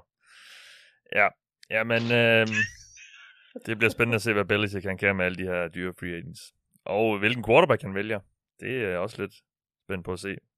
Må ikke det bliver Cam Newton fra, fra Witt, men... Øh, ja, jeg er ikke så sikker. Nej, Måske. Det er, heller, det er jeg egentlig heller ikke, men... Øh, jeg, jeg tror, også at han var lidt konservativ med det. Ja, det kan godt være, men jeg tror egentlig, Belichick, han er, han er kold nok til at sige, at øh, vi starter med Jones, hvis han ligner noget, der bare er nogenlunde fornuftigt. Ja. Men øh, fordi han er jo ikke bange for sit job. Altså han er jo ikke bange for, at han skal presse så mange sejre ud af det her som muligt. Øh, nødvendigvis, tænker jeg. Nej. Jamen så tager vi til Miami nu her, fordi at øh, vi skal snakke lidt om Tua Tagovailoa. Anders, jeg har spurgt dig, hvad Dolphins skal se for Tua i år for at retfærdiggøre at fortsætte med ham som quarterback. Men jeg stod lige og tænkte lidt over det, og jeg ved ikke, om jeg har egentlig lidt heller lyst til at spørge, om 2021 bare handler om for, Dolphins, for Dolphins at finde ud af, om han er deres fremtidige quarterback. Men jeg tror egentlig også lidt, at jeg forstod det på den måde. Øh, ja. Øh, vi er også lige nødt til at sige, at det kan godt være, det er, fordi jeg er træt, men alt, alt, du, du lægger op til, at jeg får sange på hovedet hele tiden. Først var det den der lidt i fem, og nu er det Miami. Øh, oh. Ja, Will, Will Smith, og så øh, ja. en person, hvis navn jeg ikke vil udtale, fordi jeg hader ham. Woohoo! Øhm, okay. Altså, jeg, jeg synes til at starte på, så er det næsten ikke fair, at du giver mig det her spørgsmål, altså over, over for Tua, fordi øh, guderne, Mark og Thijs, ved, at jeg aldrig har været den store fan af ham. Han, han er bare ikke rigtig min kop te. Jeg synes, han er, han er sådan lidt en... Jeg synes, han er en lidt fesen udgave af Baker Mayfield med dårligere værktøjer, som måske lidt mere... det er rigtigt. Jeg har aldrig været fan af ham. Øh, så mange ting øh, skal, skal, skal, skal han vise, synes jeg, før det kan retfærdiggøres, at, at de skal fortsætte med ham. Øh, jeg synes, at vi så sidste år, at han var meget svingende. Han havde ikke, altså, jeg, jeg skal se mere konsistent spil, for hvis du kigger på hans stats, så har han Lamar-tal i kastespillet, og det er bare uden øh, mængden af touchdowns og truslen på jorden, ikke?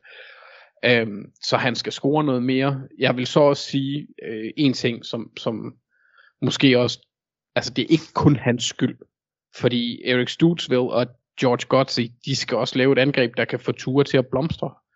Fordi han er ikke i, i min optik en kaptajn, der kan styre en skonnert igennem en malstrøm. Men, men han kan godt være en kaptajn, der styrer en F-124 Sachsen-klasse fregat igennem en mindre regnby. Så, så jeg vil egentlig mere lægge ansvaret over på trænerstaben, og der, det inkluderer så også en offensiv linje, hvor de virkelig skal udvikle på nogle unge spillere, øh, for, for ligesom at få det hele op i gear. Øh, og det er egentlig også, selvom jeg tror, at det er Ture, der må tage konsekvenserne i sidste ende, hvis det ikke lykkes. Men jeg, jeg synes meget af det ligger på de offensive trænere, hvor, hvor øh, Brian Flores han jo også har skiftet ud hvert år indtil videre. Øh, så oven i det i forhold til din revurdering af spørgsmålet, så synes jeg egentlig også, at det er vigtigt, hvor skidt bliver det? Fordi hvis de får et top 5 valg, eller top 10 valg, eller et eller andet, så kan det jo godt være, hvis talentet i draften er der til det, og det, der skal alligevel en, en del til, før man giver op på et top 10 valg. Shut up, shut up. I må ikke sige noget. Så, så, så jeg tror, at, at altså der skal, der skal meget, meget der skal falde i hak, for at det går helt galt, og meget der skal falde i hak, for at det lykkes, altså for at overbevise mig. Men altså i første ja. omgang havde aldrig taget ham. Så, så det er lidt svært for mig at vurdere, om jeg skal have lov til at fortsætte med ham. Så skal han vise mig noget, jeg ikke har set indtil videre i hans college og NFL-karriere. Og ja. det er måske meget at bede om. Men jeg har jo sådan lidt, jeg synes jo, Dolphins stadigvæk er sådan, når jeg kigger på holdet, er det jo stadigvæk et år eller to væk. Så jeg synes, de, de skal jo finde ud af nu, hvem der skal være deres quarterback, synes jeg jo. Altså, I, jamen altså, hvis, hvis han så, så man hæver, kan udvikle hæver- over de næste par år. Ja, ja, øh, ja, det er jo nok også der det, med den tanken, at de tog ham sådan, at de kunne, øh, hvad hedder det, det præstere i hans tredje år, så næste år, eller over år fire. Men jeg tænker også, hvis, hvis det var sådan, han havde udviklet sig, hvis han lige pludselig bare brænder igennem, eller, eller bliver skide god, så er det jo også et hold, der kan blive rigtig farligt, fordi de er rimelig solide på de fleste pladser, og har, kan have et rigtig godt forsvar. Nu må vi jo så lige se, øh, om der sker noget med Sabian Howard i løbet, øh, eller inden sæsonens start. Øhm, men men de, de har jo byggestenene til at blive et godt angreb. Ja. Og forsvar. Så Ja. altså, han, han skal præstere, før det skal lykkes helt. Mm, Men jeg har ikke de høje forventninger til ham. Nej, okay. Lad os snakke lidt om Jets. Uh, Mark, jeg har spurgt dig, udover at finde ud af, om Zach Wilson er en legit quarterback, hvad skal Robert Saleh så bruge 2021-sæsonen på? Jamen, han skal grave Jets op af deres hul. Han skal vise, at der er en fremtid, som er lys, og så skal han give holdet en identitet.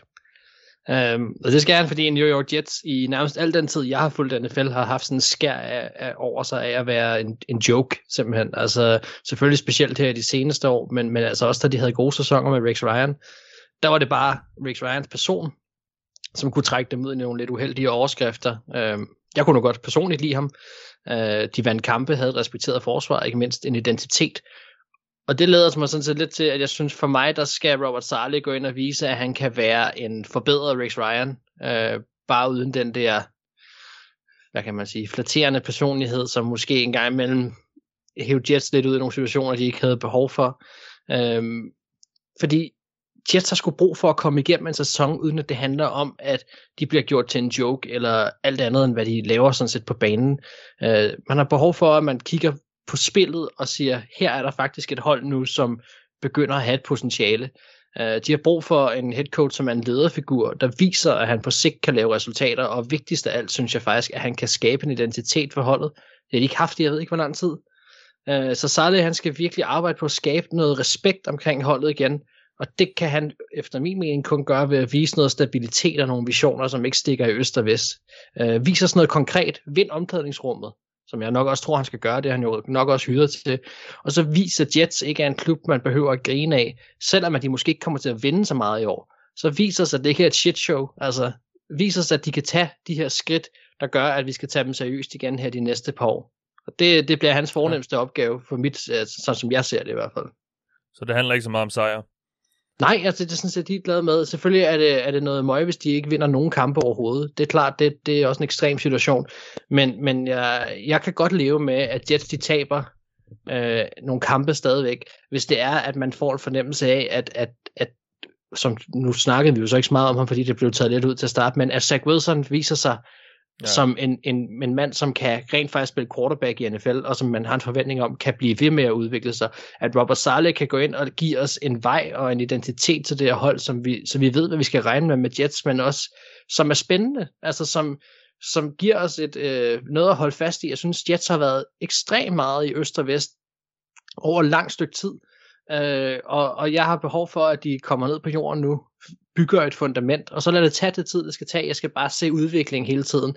Øh, så er jeg sådan set, øh, vil jeg være tilfreds øh, som Jets-fan. Øh, det er jeg godt klar over, det er de fleste af dem nok ikke. De vil gerne have nogle sejre ind, det kan jeg også godt forstå.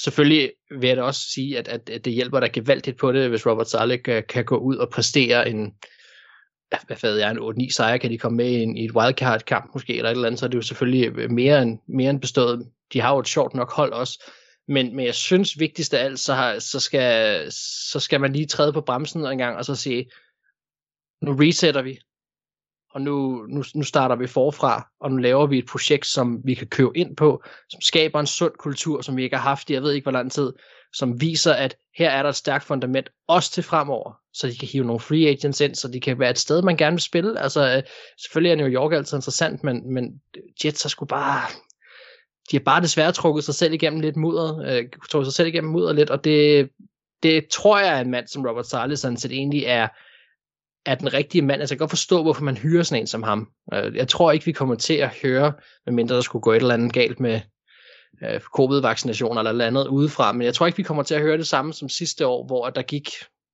jeg kan ikke huske, hvor lang tid der gik, der gik meget kort tid før, vi hørte øh, røg for omklædningsrummet, ikke?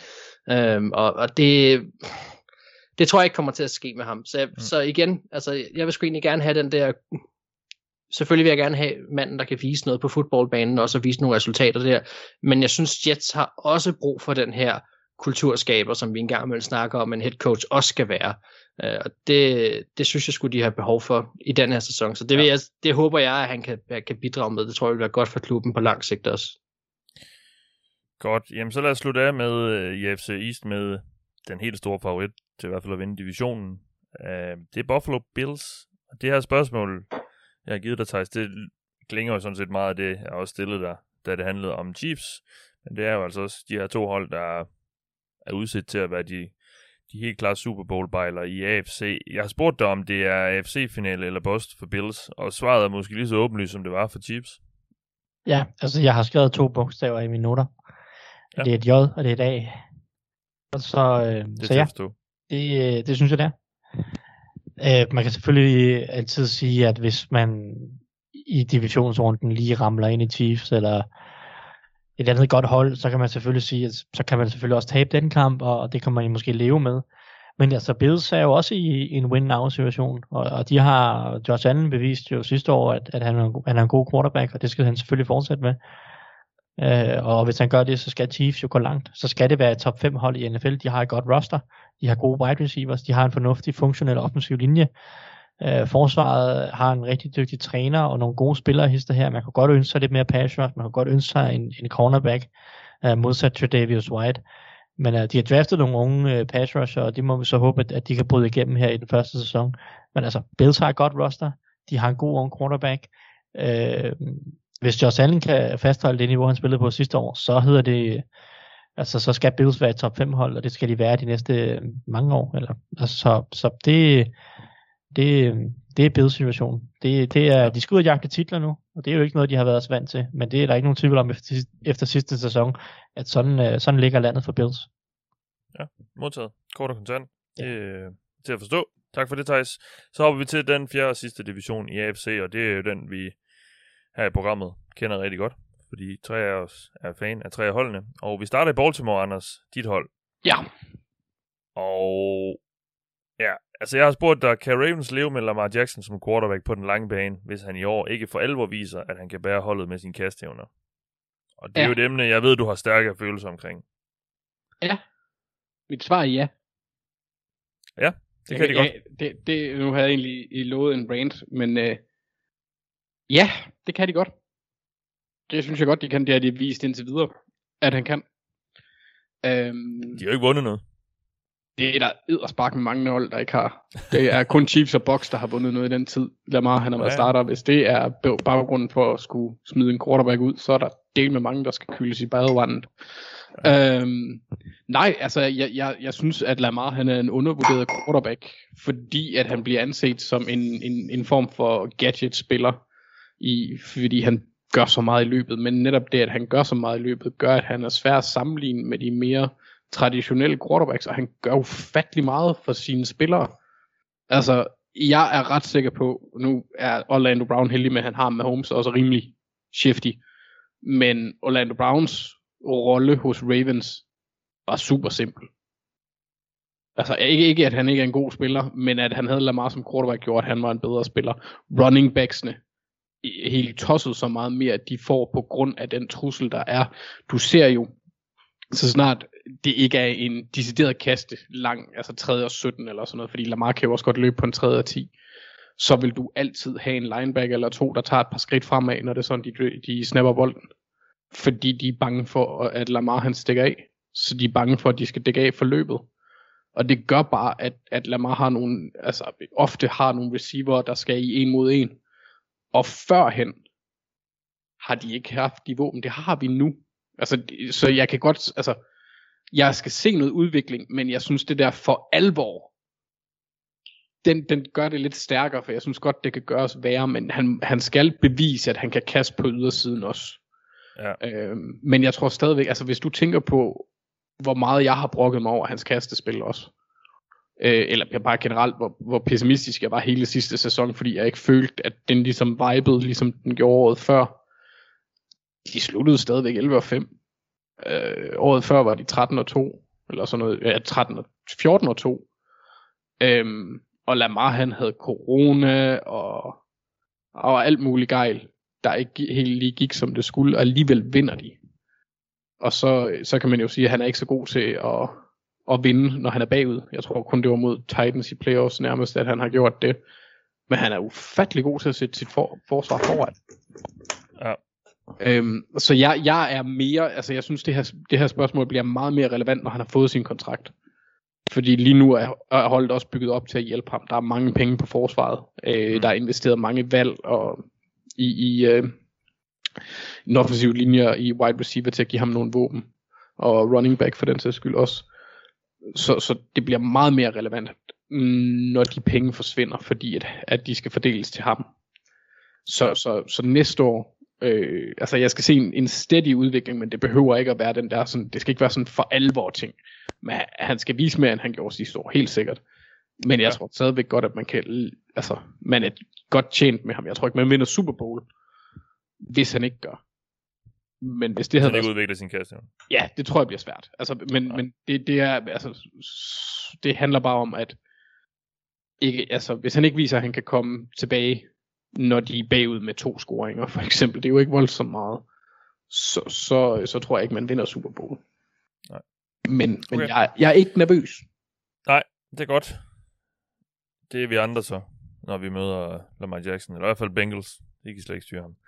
Øhm, der kommer også lige Justin Houston ind på, til at hjælpe lidt med pass rush. Det går ikke ud fra at øh, udløse nogle sure miner hos dig. Nej, nej, jeg synes, det er en super fin pris for en fin spiller. Altså 4 millioner, tror jeg, det var, han, han har fået øh, på en etårig kontrakt. Han lavede, han lavede flere sex end alle Ravens spillere sidste år, ikke til sammen, men han, han lavede 8-6. Vi mistede 12-6, da vi sagde farvel til Judon og Ngakwe og en eller anden mere, jeg har glemt. Øhm, så det er fint. Det er jeg glad for. Ja. Det er godt. Så lad os gå til Cleveland, Mark. Jeg har spurgt dig, om vi kan tillade os at kalde Browns for Super Bowl contender i år. Så kan jeg svare, at øh, ja, det kan vi godt. Ja. Øh, Det her var jo så det hold, kan jeg så afsløre nu, som jeg vil sammenligne en lille bitte smule med Denver. Øh, for jeg synes, de besidder sådan set mange af de samme kvaliteter. De har dygtige playmakers på begge sider af bolden. Deres hold er, hvad kan man sige, talentmæssigt forholdsvis dybt på mange positioner. Men der, hvor de så skiller sig ud, der er jo nogle, nogle afgørende faktorer her, der gør, at jeg tror mere på, at Browns har en reel chance. Og det starter så også med deres offensive-minded træner i Kevin Stefanski.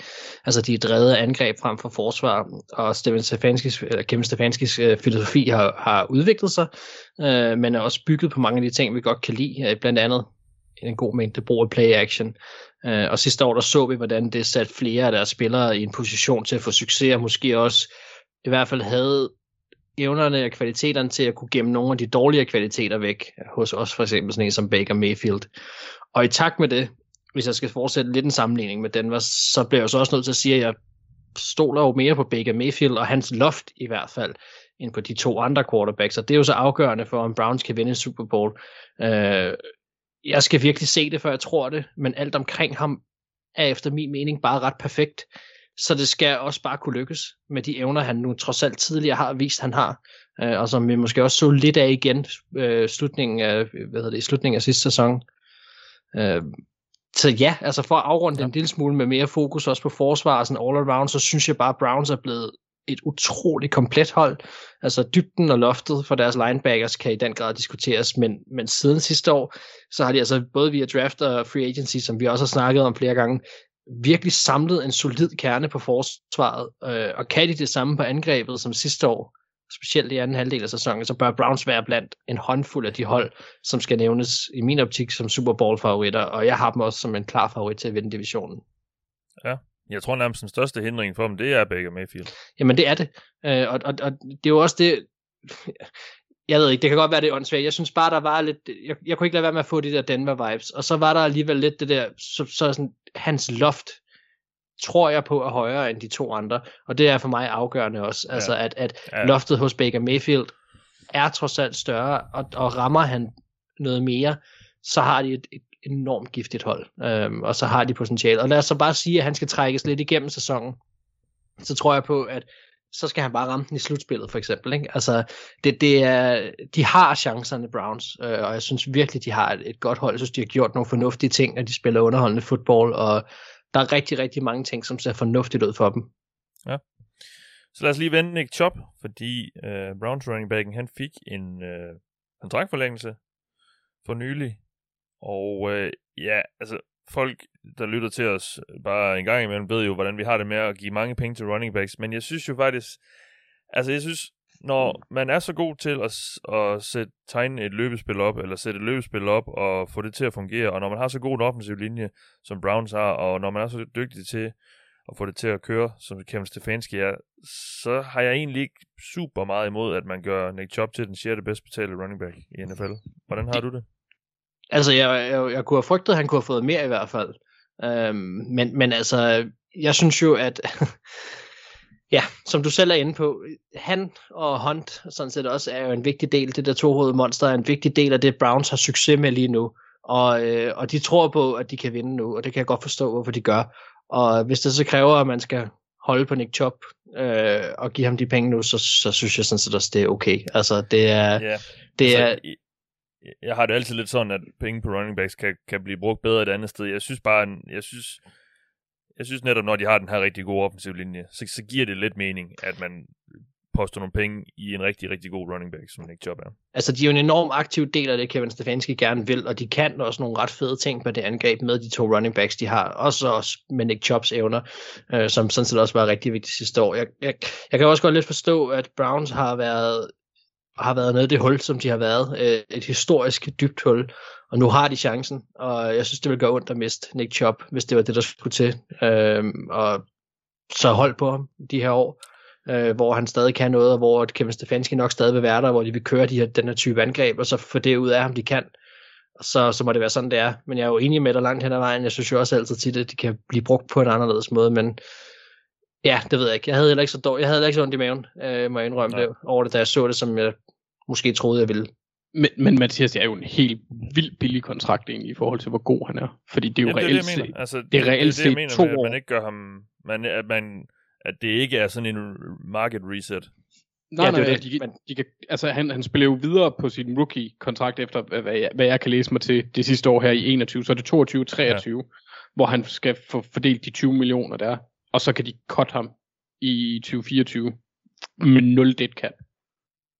Altså det er jo en skidesmart, skidesmart kontrakt, og, og en virkelig, virkelig god spiller, så jeg synes bare, det, jeg, jeg synes det er Men det er, også, det er også lidt det, jeg mente det med, at han er der, til, mens de er bygget til at vinde nu, med det system, de kører lige nu, og de kan holde på ham i den, hvad kan man sige, den tenure ud, og så kan, så kan man se, hvordan Brown ser ud på det tidspunkt, når, han så ikke, når hans kontrakt så udløber, øh, så har de forhåbentlig fået det ud af ham, de skulle. Men, øh, men ja, Og han, han er også bare en, altså han er jo en top 5 running back i NFL.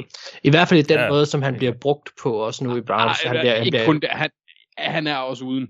Altså han, han er god. Han er virkelig god. Han, Ja. han, er, han, er, han er et based.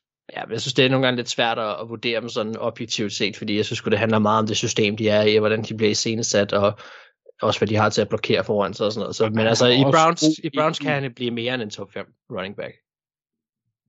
Vi synes alle sammen, han er god. Nå, der, er, der er jo rigtig mange, der spørger dig øh, med det samme, Thijs, når en running back får mange penge, hvad du synes om det. Skal vi lige høre fra dig kort, hvad, hvad du tænker om det job? Ja, som jeg siger, så er kontrakten jo ikke så slem, som den kunne have været. Øhm, jeg vil jo sige, jeg synes jo netop ikke, Browns har brug for at gøre det, netop på grund af den situation, de har med den offensive linje, og Stefanski. Ja. Ja. Men øhm, som I siger, altså, det er jo svært at kritisere holdet, når de får ham til at tage så, så team-friendly en kontrakt, som de får ham til her. Altså, så jeg synes jo, det er fint nok. øhm, i, i en anden forstand. Men nej, altså, som du siger også i starten, Mathias, pengene havde da været bedre brugt andet sted. Øhm, og jeg tror jo, at de fleste running backs vil kunne løbe godt bag Browns offensiv linje. Ja, det er også rigtigt. Men, øh, jeg men altså, jeg synes jo, det er fint. Jeg kan godt forstå det. Jeg synes, jeg vil, jeg vil nok også have gjort det, hvis jeg var Browns til de penge. Øh, det, det kan jeg sagtens forstå. Godt, så lad os snakke lidt om Steelers. Jeg har spurgt dig, om best case scenario for Steelers i år er, at de crasher helt og ender med et højt draftvalg. Og så er jeg efter det skrevet, det er vel ikke realistisk at tro, de kan nå langt. Til det sidste med, om det er realistisk, de kan tro til at nå langt, så nej, Ja. altså, det, det er det ikke. Det er ikke realistisk. Øh, og jo, altså den kyniske sådan langtidsmæssige kalkyle vil jo sige, at Steelers de skulle gerne tabe så mange kampe som muligt i år. Det, er, det kan der ikke være nogen tvivl om. Altså, det er jo klart, som fan og sådan noget, vil man helst have, have ens hold vinder så mange kampe som muligt. Det er lidt sjovere at se dem spille, når de vinder. Øhm, men altså, det vil jo være ideelt. Altså, jeg tror jo ikke, jeg, jeg tror jo ikke på, at Steelers de kan komme til at kollapse fuldstændig og få et top 3-5 valg. Det, det tror jeg bare, Nej, at Mike Tomlin er for dygtig til. Og Ja, der er også for mange andre dygtige spillere, altså øh, trods alt på forsvaret især. Ikke? Øh, men altså, det kunne jo være ideelt, hvis der nu lige ramte et par skader, og man så kunne få et top 10 valg. Det tror jeg vil være ideelt for Steelers. Det er nok lidt best case scenario sådan inden for de realistiske rammer. Det er, at den offensive linje er præcis så dårlig, som man kunne frygte. Og så bliver der måske et par spillere, der bliver skadet på forsvaret, så det ikke er en top 5, øh, top 10 enhed længere. Og, og så, øh, så, kan, så, så kan man godt ende med at drafte i top 10, og det er jo nok det tætteste Steelers, de kommer på øh, at kunne drafte en, en, en ny franchise quarterback, eller trade op efter det, øh, mm. i, i det tilfælde. Så jo, altså den sådan helt kynisk, hvis man skal se på, hvad der er bedst for Steelers på lang sigt i forhold til, hvordan kommer Steelers hurtigst muligt i en situation til at kunne vinde en Super Bowl igen. Så jo, øh, så skal de ud og tabe, øh, tabe nogle kampe. Man, man kan sige, hvis det ikke sker, så er der nogle mindre delmål, som jo kan gøre, at som kan gøre Steelers til scenarie, eller, eller Steelers til sæson til en succes. Og det handler jo nogle, om, om, om rigtig unge spillere, måske især på den offensive linje, at den skal, ja. hvis de kan vise noget, så kan det jo blive en succes øh, i en eller anden forstand, øh, selv hvis de ikke ender med at drafte super højt. Øhm, så. Og så er der jo så selvfølgelig sådan lige 2% chance for, at Dwayne Haskins, han, han kommer ind og viser noget, fordi han har jo efter sigende været Ja. bedre Mason Rudolph i camp. Øh, så nu må vi se her. Lofty. Det er ikke, det siger ikke meget, fordi Mason Rudolph er godt nok også en tør kiks og sidder og kigge på at spille, spille fodbold. Men, øhm, men ja, lad os, øh, lad os nu se med, med det. Men altså jo, det, det ville være det Ja. optimale scenarie for Steelers på lang sigt. Det ville det være. Jamen, øh, så lad os slutte af med at snakke om Cincinnati Bengals. Vi skal til det. Og jeg har gemt det sidst. entusiasme i stemmen, den er bare... Hold det ude i, hold, hold det ude i strakt arm, så længe så jeg kunne. Nu, øh, nu er vi nået dertil, hvor vi skal snakke om Cincinnati Bengals. Og det er jo, ja, altså man kan sige, jeg har egentlig ikke stillet spørgsmål til mig selv. Det er sådan lidt mærkeligt, men jeg kommer nok lige til at komme med mit bud. Jeg har stillet det til dig, Anders, så jeg har spurgt, hvad skal vi se ja. Fra Bengals i år, hvis Zach Taylor skal beholde sit job? Det er sådan virkelig strakt arm, du har gjort, og du har delt det spørgsmål videre til mig. Ja, Øhm, altså for mig at se, så skal de, altså, der, der, jeg skal se meget. Jeg, jeg vil gerne se en vindende sæson. Ja.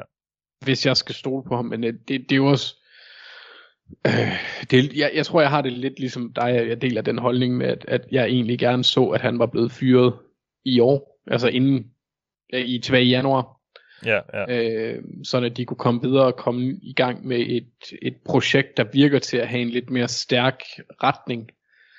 Fordi det er svært at få en fornemmelse af, at han gør noget rigtigt, fordi han ikke rigtig har en, synes ikke, han har en gennemslagskraft, og jeg synes ikke, at det, vi har set på banen, vidner om, at han er en eller anden form for innovativ tænkende træner.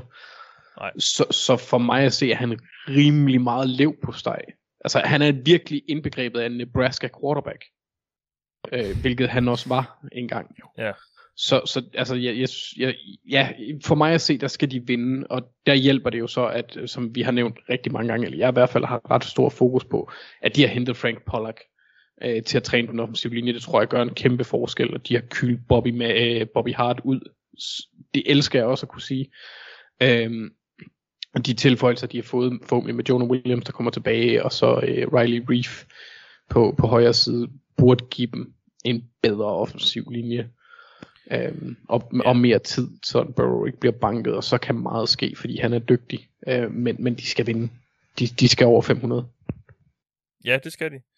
Og jeg, jeg tror også, jeg, jeg er nået lidt dertil, hvor jeg har, altså jeg er nærmest lige ved at sige, at de skal kæmpe om slutspilspladser, før jeg bare kan have lidt håb. Fordi jeg, altså, det der med sådan en 8-9 sejrs sæson, det vil bare være så, åh, så får han to år mere til at prøve, altså, altså, til at prøve at gøre et eller andet. Og det, gør, det lykkedes jo bare ikke. Altså, En Øh. ung Jason Garrett. Jamen, det er lidt det, altså bare dårligere. altså, jeg er jo... Øh...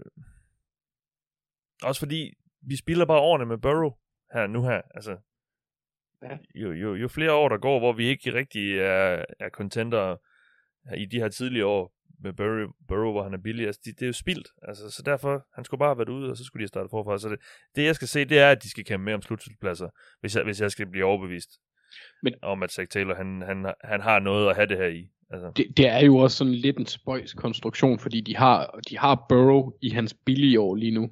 Udover Jesse Bates, er der så en, du vil give en stor kontrakt? Og måske være Logan Jonah, Wilson. så skulle det være Jonah Williams, hvis, hvis det viser sig, at han er god. Men det, det har jeg ikke, øh, det er jeg ikke overbevist om endnu. Jamen, det er jo det, så de, de har jo Men, heller men, ikke han er, men han er alligevel så god, og deres linje er generelt så dårlig, så de skal jo forlænge, de skal jo give ham en stor kontrakt.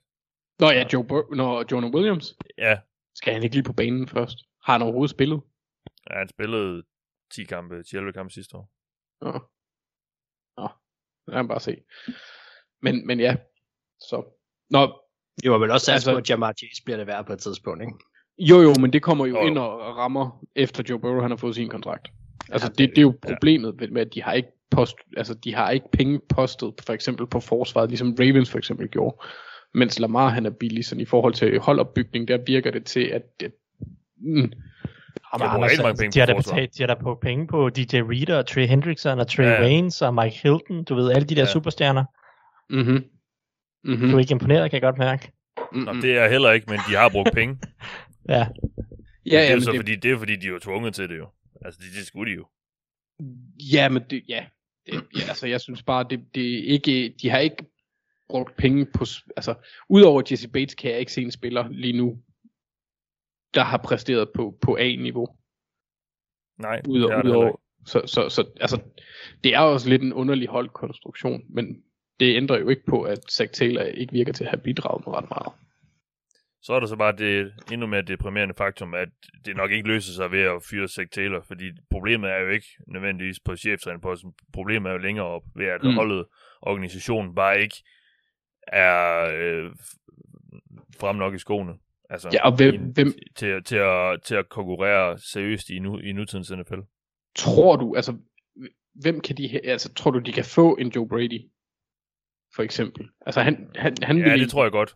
Det tror jeg Ja. godt. Men nu ved jeg ikke, om Joe Brady er en god coach. Men øh, jeg tror, det her, så længe Joe, hvis, hvis Joe Burrow er quarterback, så kunne det sikkert nok. Mm-hmm. Fordi jeg Men, tror, øh, de får, se, de lad får svært lad ved at tage få den, for højere når de engang forhåbentlig Ja, ja. snart fyrer Zach Taylor. Nå, Vi, vi, vi, en- åbner, vi åbner en øl, Mathias, når det sker. ja, jeg tror, jeg gør det nu. Gør du det? Det var det for denne gang. Vi er tilbage igen i næste uge med den samme øvelse, men hvor vi så øh, gør det med NFC-holdene. Og øh, så fortsætter vi vores snak. Og vores optag til den kommende sæson, og det gør vi altså hver uge frem til sæsonstart, og når sæsonen så går i gang, så snakker vi også om de kommende kampe og så videre undervejs. Vi fortsætter selvfølgelig med at snakke NFL resten af året, og også øh, efter nytår og så videre. Så det bliver rigtig fedt. Vi håber, I vil være med på rejsen. Og som sagt, gå ind og, og støtte os, hvis I godt kunne tænke os at, at gøre det muligt for os at blive ved med at lave de her programmer ind på tier.dk. I den omgang, der har du lyttet til mig. Jeg hedder Mathias Sørensen med mig i aften. Thijs Joranger, Anders Kaltoft og Mark Skafte Våbenkår. Vi lyttes ved.